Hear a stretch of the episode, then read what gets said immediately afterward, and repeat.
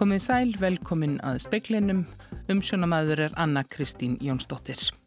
Hættustig er enni gildi vegna skriðufalla á seðisfyrði. Fólk getur ekki sofið í húsum sem voru rýmt aðra nóttina í rauð. Fjármálaráðaneti gengur gegn markmiðum kjærasamningum að rétta stöðu þeirra tekjulegstu að mati miðstjórnar alþjóðsambandsins sem stiður kröfu eldriborgar um hækkun elli líferis. Ekki er hægt að sannreina hér á landi að sótvarnagrímur séu örgar og virki fullkomlega og eitthvað virist hafa þokast í samningaviðræðum breyta og Evrópusambandsins um viðskiptasamning í dag en talsvert ber enni milli. Appel sínugul viðvörn er í gildi á austfjörðum til morguns og hætta talin þar á varsflóðum og skriðuföllum. Hættu stík er í gildi á seðisfyrði vegna skriðufalla. Appelsínugul viðvörum viðurstofunar gildi til klukka nýju í fyrramálið. Spáður áframhaldandi mikillir ykningu sem munu valda auknum grunnvatsþrýstingi og viðhalda hári grunnvatsstöðu. Áfram seti hætt á vassflóðum og skriðuföllum. Veðurstofan segir mikið álag á fráveitukerfi og mikla líkur á vattstjóni og hættustigur á seyðisferði vegna skriðufalla. Magnir Heitn Jónsson, ofanflóða sérfræðingur á veðurstofunni, lýsir ástandinu núna svona. Akkurat núna er það svo sem þokkalegt miða við svona hvað undan er gengið. Það er náttúrulega gildi þessar rýmingar á seyðisferði og hættustig þar og óvissustig á Östurlandi. En það hefur verið mun minni úrkoma í dag heldur en síðustu daga. Eins og fyrr segir er appilsínu gulviðvörun í gildi til morgun sem þá tökum við gulviðvörun sem gildi til miðnættis því spáður áframhaldandi rigningu og hættu á vassflóðum og skriðuföllum. Talsverð álag sé á frávötukerfi og talsverða líkur á vasstjóni. Það er spáð svo hérna vaksandi úrkomi aftur núna setnipartinu í kvöld og í sjálf sér áframhaldandi úrkoma á morgun líka þannig að þá er bara þessi sko viðvarandi skriðuhætta áfram og, og svona frekari þá vatnavextir af því það fylgir þessu líka að, að það flæðir inn í kjallara og, og svona í húsum auk þessar skriðuhættu. Menn frá Björgunarsveitin í Ísólfi mynduðu skriðusvæði í dag með dróna og svo virðist sem sprunga sem verði hefur í vöktun síðan árið 2002 hafi gefið sig. Magnir Hreinn segir það ekki staðfest en gæti vel verið því önnur skriðan sem fjall hafi verið mjög nálagt sprungunni. Haukur Holm saði frá og talaði við Magna Hreinn Jónsson. Ekki hefur tekist að sannreina að grímur sem notaður eru hérlandi virki fullkomlega og síu örugar. Eftirlitstofnanir hafa um margra mánaðaskeið reynd að senda sínisotn af því sem er notað hér í prófun hjá rannsóknastofu en engin slík er starfarækt hérlandi. Neytendastofa, umhverfustofnun og vinnueftilitið fóru fyrra á árinu í samstarfum að sannreina gæði andlitskríma sem hér eru notaðar. Í ágúst eða september stóð til að senda sínishorn til prófunar á faggildri rannsóknarstofi í Evrópu en vegna anna hjá rannsóknarstofum úti hefur það dreyjist ítrekkað. Það er mikið eftirlit með grímum á markaði hér. Eftirlitstofnanir fari yfir öll gögn sem fylgja innfluttum grímum. Það er grímur sem er í umferð hér uppfylla því grunn kröfur á pappir en stofnanirna vildum með prófununum sannreina að gæðin væru í samræmi við yfirlýsingar í fylgigögnum. Evrópusambandið hefur fjármagnað þessa prófanir. Í öðrum Evrópuríkjum hafa þær í ákveðnum tilvikum leitt til þess að vottaðar grímur voru teknar úr nótkunn. Guðrún Lárusdóttir gæðastjóri neytendastofu segir að almennt sé mikið af falskrímum í umferð og starfsmæður innflutningsaðila sem fréttastofa rætti við saðist reglulega að fá gillibóð frá nýjum framleiðendum úti. Neytendastofa hefur frá því faraldurinn hófst stöðvað innflutning eða sölu á yfir hundrað grímutegundum. Síðast í dag vakti stopnunum aðtegli á innköllun og andlitsgrímum sem meðalans hafa verið seldar í apotekum undir merkinu 3M. Grímurnar eru ætlaðar til nótkonur í matvælaðinaði og veita litla vernd gegn veirun. Arnhildur Haldunadóttir tók saman. Alþjóða helbriðismálastofnunin í Evrópu hvetur fjölskyldur til að vera með grímu í jólabóðum í ár vegna hætt á að smitt komi aftur upp eftir áramótin og enn sé mikið um kórnveiru smitt í alfunni. Þó að það kunna vera vandraðilegt að vera með grímu og halda fjarlagð innan um vinu og fjölskyldu þá sé þannig hægt að auka líkurnar á að allir verði áfram, öryggir og hraustir. Miðstjórn Alþjóðsambands Íslands stiður kröfu eldri borgara um hækkun ellilíferis og telur fjármálaráðunitið ganga gegn markmiðum kjærasamninga um að rétta stöðu þeirra tekjulegstu. Stjórn landsambands eldri borgara gaggrindi á dögunum að ellilíferir hækkað um 3,6% sem verður töluvert undir þeirri hækkun sem aðrir fá. Miðstjórn ASI fjallaði máli í dag og tók þar undir kröfulandsambands eldriborgara. Verðbólga mælis nú 3,5% og verð á dagvöru hafi hækkað um 7,4% á milli ára. Já, við höfum viljað hafa það þannig að það sem miða við eh, kjæransamninga. Eh, það var nú almennt talið á vinnumarkaði að þetta væri það sem þýrsti til eh, og með þessu erum við að taka undir kröfu landsamhans borgara um að höfða sömu kjærabætur og aðri í þessu samfélagi. Segir Drífa Snædal, fórseti ASI. Miðstjórnin telur þá aðferð fjármálaráðunetisins að nota viðmiðum meðal takstaþróun ganga gegn markmiðum kjærasamningana í vor. Sko þetta gengur gegn markmiðum kjærasamningana sem var að lifta um lagslönu uh, og síðan gengur þetta líka gegn þeim markmiðum sem við höfum talað fyrir í þessu kófi að núna rýður á að uh, styrkja þá sem lagstar hafa tekirnar, hvort sem það er innan eða utan vinnumarkaðar saði Drífa Snædal, haukur Holm tók saman. Nokkuð verist hafa miðað í dag í samninga við, við ræðum um viðskiptasamning breyta og Evrópusambandsins en er þó verulegur ágreiningur um samningum fiskveðar. Brettar fara endanlega vindri markaði og tollabandalagi ESB um áramótin og takist ekki samningar verða lagði tollar og gjöld á viðskipti auk þess sem margir samningar um samskipti bretta og ESB ríkja falla úr gildi. Vitað er að talsverða deilur er um fiskveði réttindi ríkja ESB í breskri lögsugu, takist ekki samningar um veðarnar verða lagði tollar á fisk frá Breitlandi. Úrsula von der Leyen, fórseti framkvæmda stjórnar Evrópusambansins, sagði í morgun að það væri leið að samningum en sá stígur væri þraungur og vandarataður. Boris Jónsson fórsetis á þeirra breyta sagði í dag að hann hefði fulla trú á að vínir breyta handan Ermarsunds sæju ljósið og semdu. Hann hafði þó ekki áhyggjur af framtíðinni, talaði dígur barkalega í neðri málstofu breska þingsins og sagði að hvað sem gerðist vankaðist hagur breyta kröftuglega. Whatever happens in the next few days, I know that this country uh, will, will prosper mightily.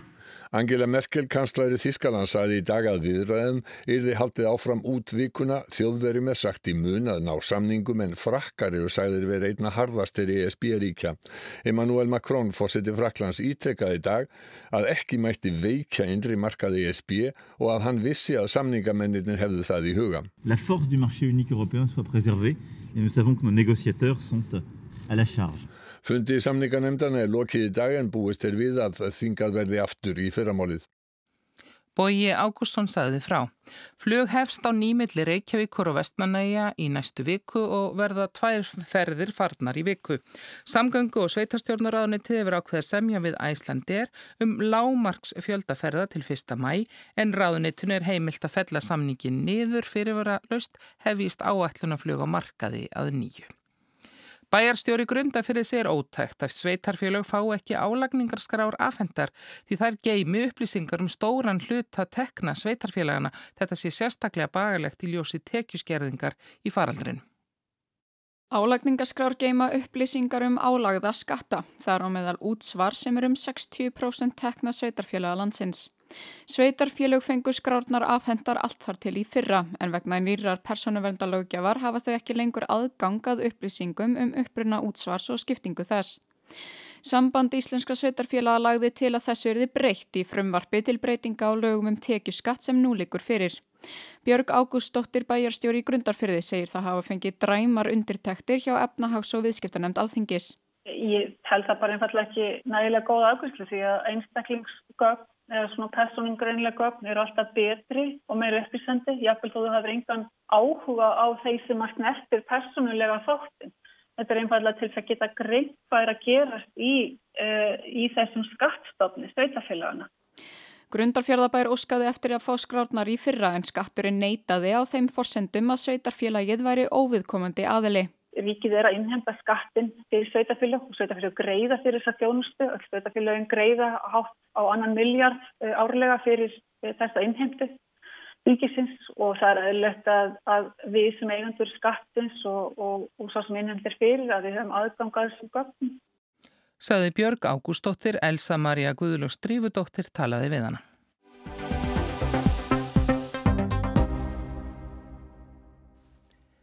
Rýming er enni gildi á seðisfyrið, að mista kosti til morguns vegna hættu á frekari skriðuföllum. Þar er hættustig í gildi og óvissustig á Ísturlandi. Rúmlega hundrað seðfyrringar þurftu að fara af heimilum sínum í gær og gátt ekki gist heima í nótt því efstu göttur í sunnanverðum bænum voru rýmdar og spáðir áfram regningu. Rúnar Snæður Reynisson, fréttamaður, rætti við nokkra seðfyrringa í dag. Fyrst Ómar Bógason hjá fiskvinnslu síldarvinnslunar. Hvernig var þetta þegar skriðan fjall hérna í gerkvöld? Hvernig var eitthvað við í, í fiskvinnslinni? Já, það var hringt í okkur setnipartin í gær og, og við beðum að rýma bæði fiskvinnslan og bræðslunar reyndar auðvitað líka sem að síldavinslan eh, rekur líka og á.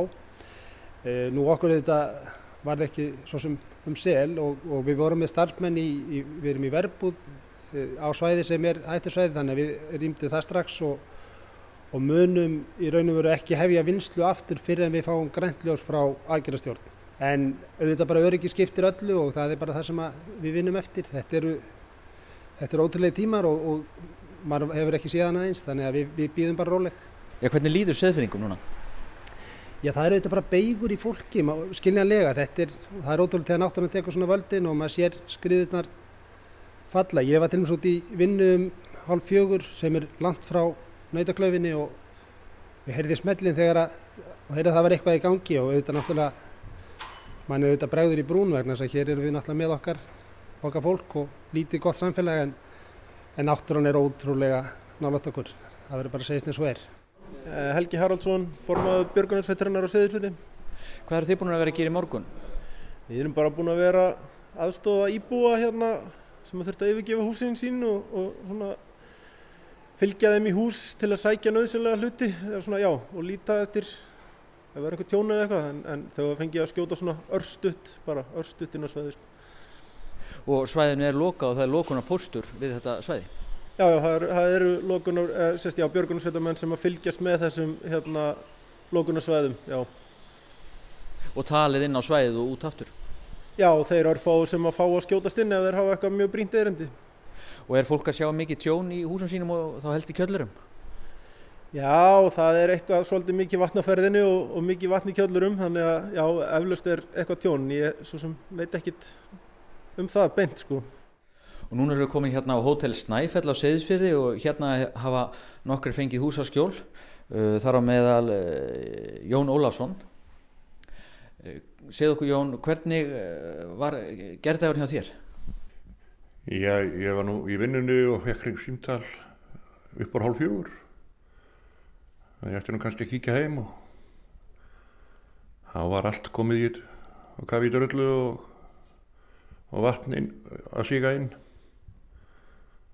Og lækurinn læk, við liðin á húsinu, hann var bara út um allt, báða megið með húsið og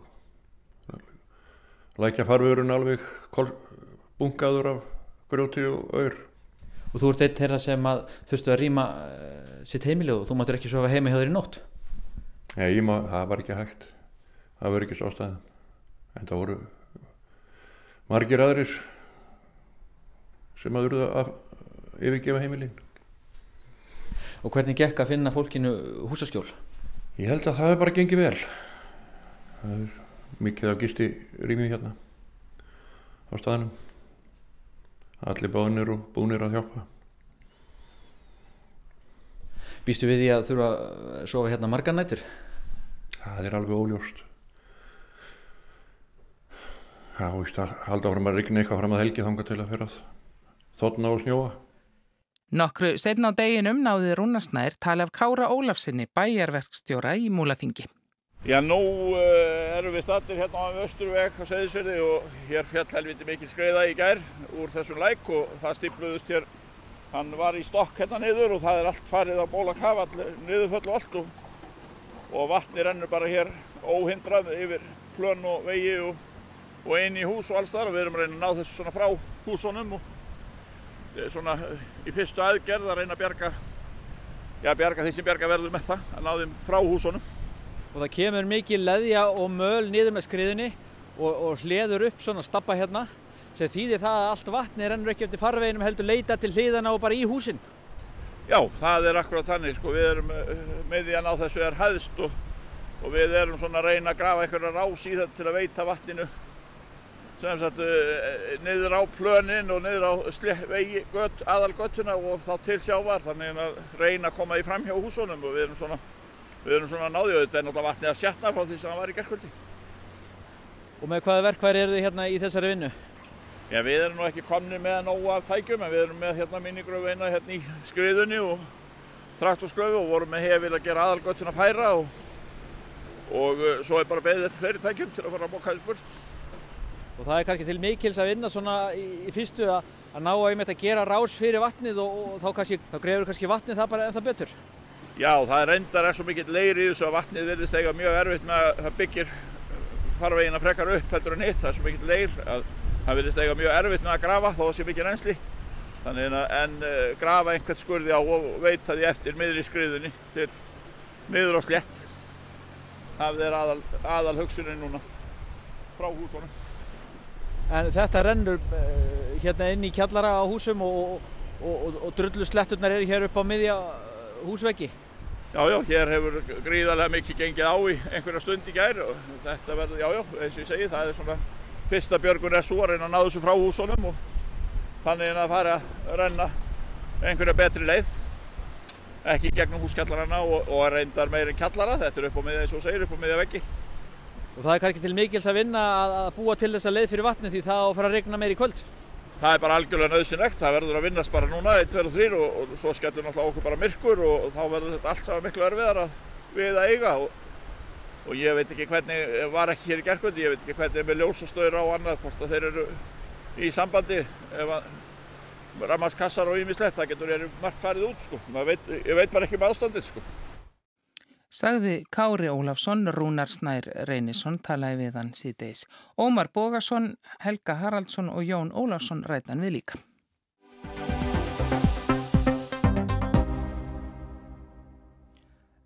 Seðlabankastjóri hefur áhyggjur af því að lífeyrissjóðir takki meiri áhættu í fjárfestingum til að uppfylla ávöxtunar viðmið sem er nú 3,5%. Framkvæmdastjóri samtaka lífeyrissjóða segist ekki sjá fyrir sér að viðmið verði lækkað vegna lágvaksta umhverfis sem sé til skamstíma. Í yfirlýsingu fjármórastöðuleika nefnda sem byrt var í dag kemur þetta meðal annars fram. Lágvasta umhverfi skapar nýjar áskoranir á fjármálamarkaði, sérstaklega á þetta við um lífyrirsjóðu sem eru ráðandi þáttakendur á innlendum fjármálamarkaði og kerfislega mikilvægir. Mikilvægt er því að við stefnumótum lífyrirsjóðakerfisins sem nú stendur fyrir dyrum veri tekið mið af áhrifum þeirra á fjármála stöðuleika tilvitnu líkur. En hvað þýðir þessi samþygt á fundi Selabankans í dag þar sem yfirlýsingi var kynnt, spurði Jón Bjarki Bentsson að hagfræðingur Íslandsbanka eftirfarandi spurningar. Hefur nefndin áhugjur af því að lágvasta umhverfi sem vísaði til í yfirlýsingunni leiði til aukinar áhættusækni lífeyrissjóða hvað varðar tegund egna og mynd samsetningum. Áskir Jónsson, selabankastjóri, benti á að lífeyrissjóðni séu gerður upp með 3,5% ávöxtunakröfu sem marki lífeyrissýréttindin. Þegar þetta viðmið var sett á þá voru áhættuleysi vext í landinu miklu herrinun í dag. Kanski voru eitthvað bílunum, ég veit það ekki, 5-6% eitthvað líka. Og það líka náttúrulega alveg í hlutana segðli ef að, að lífeyrissjóðnir hafa ákveðin markmyndi framtíðar um áhasta lífeyrispenningana og áhættuleysi vexti lækka verulega eins og það hafi verið að gera ekki bara núna heldur á síðustu 20 árum og þá leiður til þess að lífeyrissjóðnir verða sækja aukna áhættu til þess að geta staði við þessi skuldbindningar og það er bara deginum ljósar. Ásker sagði að það var ekki heppilegt að lífeyrissjóðnir ættu bara ríkisskuldabref ef þeir keiftu bara þau væri komið upp gegnum streymis kerfi. En hins vegar á, á móti kemur það má hafa ágjörð því að að uh, eina leginn til þess að lífeyrissjóði geti skilað 3,5% tringafræðilegi kröfu er það að þeir taki mér áttu, þeir taki eitthvað leiti þessum kvöllum kreditsbreytt eða korporate uh, áttu álag, uh, færa mér í hlutabref og svo frammiðs. Þannig það er alveg ástætt þess að hafa, ágjörð því og, og eins og kemur fram í yfirlýsingu nefndarinnar þá eru sjóðurnir kervislega mikilvægir, það er engi vaf á því og við erum með þrjá kervislega mikilvæga banka sem búið að búið til mjög þjættan ramma í kringum þá til þess að tryggja það að það sem þeir gera hafi ekki neikvæð áhrif á kerfið okkar eða hagkerfið eða ólíka og, og með ykkurum hætti þarf að setja svipan ramma í kringum lífriðsjónu. Um, nákvæmlega hvernig það er annar mál. Það er líka fyrir að þess þarf. Sælabankastjóri segir sem sagt að ástæði sé til að hafa áhyggjur af því að til að lífeyrissjóði ná að uppfylla áherslunakröfuna eða viðmiðið verður þeirra að sækja í meiri áhættum. En er Þórei S. Þórðardóttir, frangatastjóri landsamtaka lífeyrissjóða sammála þessu? Hún segir að það sé hættulegt að tala um þetta ávöxtuna viðmið núna þegar við erum í lágvaksta umhverfi. Hún segir að sjóðutin hafi skila mjög góðri ávöxtun til langs tíma. Þeir séu langtíma fjárfestar og þeir líta ekki til eins eða tveggja ára. Engin viti hver lengi við munum búa við lágvaksta umhverfi. Þessi umræða er um, svolítið varasum út af því að ríkisjóðu eh, vantar fjármunni og lífrasjóðu er, er mjög ábyrgir fjárfestar þar sem er lítið til hagsmuna sinna sjóðulega umhverfskildan er mjög rík og það er hættið að það er fristnumandi á stjórnvöldum að ætla að láta lífrisfarna vera nýttan þess að fjármagna ríkiskuldar og vil það bara mjög varsa. En spurningin er hvort að áhersuna við með lífeyrissjóðuna sjóa hátt. Þórið segir að það sé hugsa til langs tíma og að sjóðunni hafi náð þessu markmiði. Bæði 5 og 10 ára áherstun sé yfir 5%.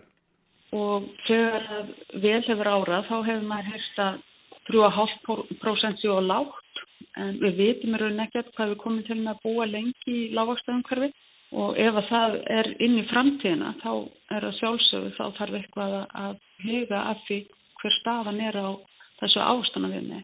En einhver svona lækun á, á ástanavinni að hún mun valla hafa eitthvað markvæð áhrif að haugðan sjóðana því að þeir eru að líta til langstíma og fjárfesta og meta sína fjárfestakosti út frá hagsmunum þennan sjóðfélaga.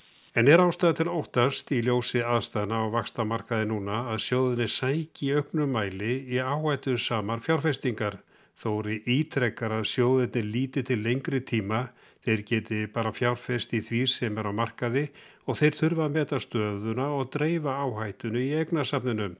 Hún segir að eignir sjóðana í lok oktober á þessu ári hafi verið 5.500 miljardar króna og hafi aukist um 10% á þessu ári. Þannig að það er alveg ljóst að, að þeir þurfa að fjárfesta og þeir þurfa að hafa þáldið rúmar heimildi til þess að meta hvað þeir telji best fyrir sína sjóðfélag. Mjög hættilegt ef að stjórnmál e, færi þá fristni að ætla að stýra því til þess að fjármagna skuldir ríkisins til skamst tíma að fara og láta sjóðfélagana að bera þann kostna. Áherslunakrafan eða viðmiði er sett í reglugjör sem að fjármálaráðniti gefur út en er líklegt að það verði lækkað. Ég get ekki séð út af lágvaksta umhverfi sem er til skamst tíma að það, að það sé eðlert að hlaupa til og, og lækka ástæðanvinni fyrir að það með valla að hafa nokkur áhrif á hegðun sjóðana sem slikt. Sagði Þóriðast Þórðardóttir, Arnan Pál Haugsson tók saman. Fríverslunarsamningur við Evropasambandi bindur ekki endan út á brexit umræðuna. Það verður ekki undið ofan af 47 ára sambandi á nokkrum mánuðum. Báðir stóru flokkarnir, íhaldsflokkurinn og verkamannaflokkurinn klíma við sinnþátt í þeirri sögu.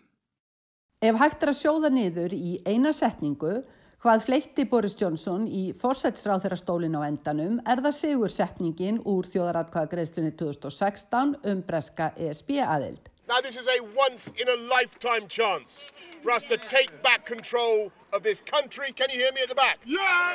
Tökum aftur stjórnina, take back control, reyndist sigur sælt slagorð og í kjálfarið virtist Boris Johnson augljóst leðtóefni. En Michael Gove, nánasti samverkamæður Johnsons í Brexit-barattunni, brá fyrir hann fæti. In the last four days I had a chance to see up close and personal uh, how Boris dealt with some of the decisions that we needed to make in order to take this country forward. I reflected on those, reflected on what I'd seen in the course of the last week, and came reluctantly but firmly to the conclusion that I should stand and that Boris should stand aside. Eftir að göngjafa Johnson, saði Skóf, hafa komist að þeirri niðurstöðu að hann væri ekki vandan um vaksinn. Í staðinn bauð Góf sig fram, Johnson ætti að stíga til hliðar. Það gerði Johnson frambóð góðs strandaði og Theresa May varð leiðtói í hjálpsflokksins og fórsætsráð þeirra. Eftir að reyna áranguslöst í þrjú ár að taka Brexit-stjórnina fjall mei. Í leðtóa kjörnum 2019 var Johnson augljósi sigurvegarinn og já, góð stuttan, uppskar líka sæti í ríkistjórninni. Í næstu kostningabaráttu fyrir ári varð annað einfalt slagorð sigursælt. Let's get Brexit done, my friends, and get on with our project. Hespum Brexit af höldum áfram með verkefn okkar, sagði Johnson og lofurðið bergmálaði í orðum Johnsons eftir sigurinn. And uh, with this mandate and this majority, we will at last be able to do what? You've been paying attention. And we will get Brexit done on time by the 31st of January. No ifs, no buts, no maybes. Stjórnin hefði nú umboð til að hespa Brexit af útgangan yrði janúarlok, ekkert ef og enn og kannski. Lofvorðið um endanhútin náði einnig til fríverslunarsamningsin sem allt hefur strandað á undanfarið. Lofvorðin eru öll stutt og laggóð, allt einfalt, en raunin er önnur jafnvel með fríverslunarsamning. Brettar er að yfirgefa Evróska markasvæðið eftir að hafa verið með í uppbyggingu þess í 47 ár og það mun taka ár og jafnvel áratugi að vinda ofan af þeirri samþæktingu. Á meðan halda einföldu lofar íhalsflokksins áfram að stangast á við flókin veruleikan. Vandi verkamannaflokksins er annar en ámóta snúin. Flokkurinn tók afstöðu 2016 með aðild breyta að Evrópusamfunnunni. Það veiklaði mjög þann málstað að þáverendi leðtögi flokksins, Jeremy Corbyn, hafi verið anstæðingur aðildar alveg síðan hann, þá ungur þingmaður, greiti atkvæði gegn henni á áttunda áratugnum. Corbyn virtist þjást að þurfa styðja ESB aðild og tvinnaði þann bóðskap sama við að bæta ESB sem veiklaði bóðskapin. Hann vísaði gerðnan til mikilvægis ESB aðildar fyrir réttindi vinnandi fólks, þess vegna berist flokkurinn fyrir veru breyta í ESB. Já, vera í ESB til að betrum bæta það. Uh, that's why we're campaigning on the issues that we are of the need to remain and reform within the European Union. Máttleysisleg barátta verkamannaflokksins 2016 áttan ef að þátt í að málstöðurflokksins varð undir í þjóðratkvæðagreðslunni. Eftir kostningatapið í fyrra var Korbin allur sem flokksleðtogi eftir maðurinn Kýr Starmer er ESB sinni af líf og sál og talar nú eindreið fyrir fríverslunarsamningi breyta við ESB. There isn't a deal yet, um, so I say to the Prime Minister, get the deal. We'll look at it, um, but we are very clear that um, no deal is not in the national interest and we will act in the national interest. Það likur enn engin samningu fyrir, sæði Starmer nýlega og hvati fórsætsráþra til að semja. Flokkurinn myndi síðan gömgæfa samningin. Samningslaus útganga gengur þvert á þjóðarheil og við fylgjum þjóðarheil, sagði flokksleiðtógin sem fór þarna gíska nærri að lofa að styðja samning hvernig sem hann yrði. Desemberkostningarnar sem ruttubraut starfmes í leiðtóasætið síndu tvent. Kjósendum líkaði lofvorð íhalsflokksins um að klára brexit. Líka einn helsta ástæðin fyrir því að fyrrum kjósendur verkamannaflokksins í Norður Englandi gengu íhalsflokknum á hönd. Þegar brexit verður frá gæti verkamannaflokkurinn fræðilega séð unni þessa kjósendur aftur á sitt band. Því ástæða fyrir starmer að óska þess að brexit verði hespað af með fríverslunarsamningi sem þá verkamannaflokkurinn stitti. En í þingflokki starmers heyrast aðra rattir að verkamannaflokkurinn eigi fyrir engamuni að greiða atkvæði með samningnum. Samningurinn sé engin brexit endanútur.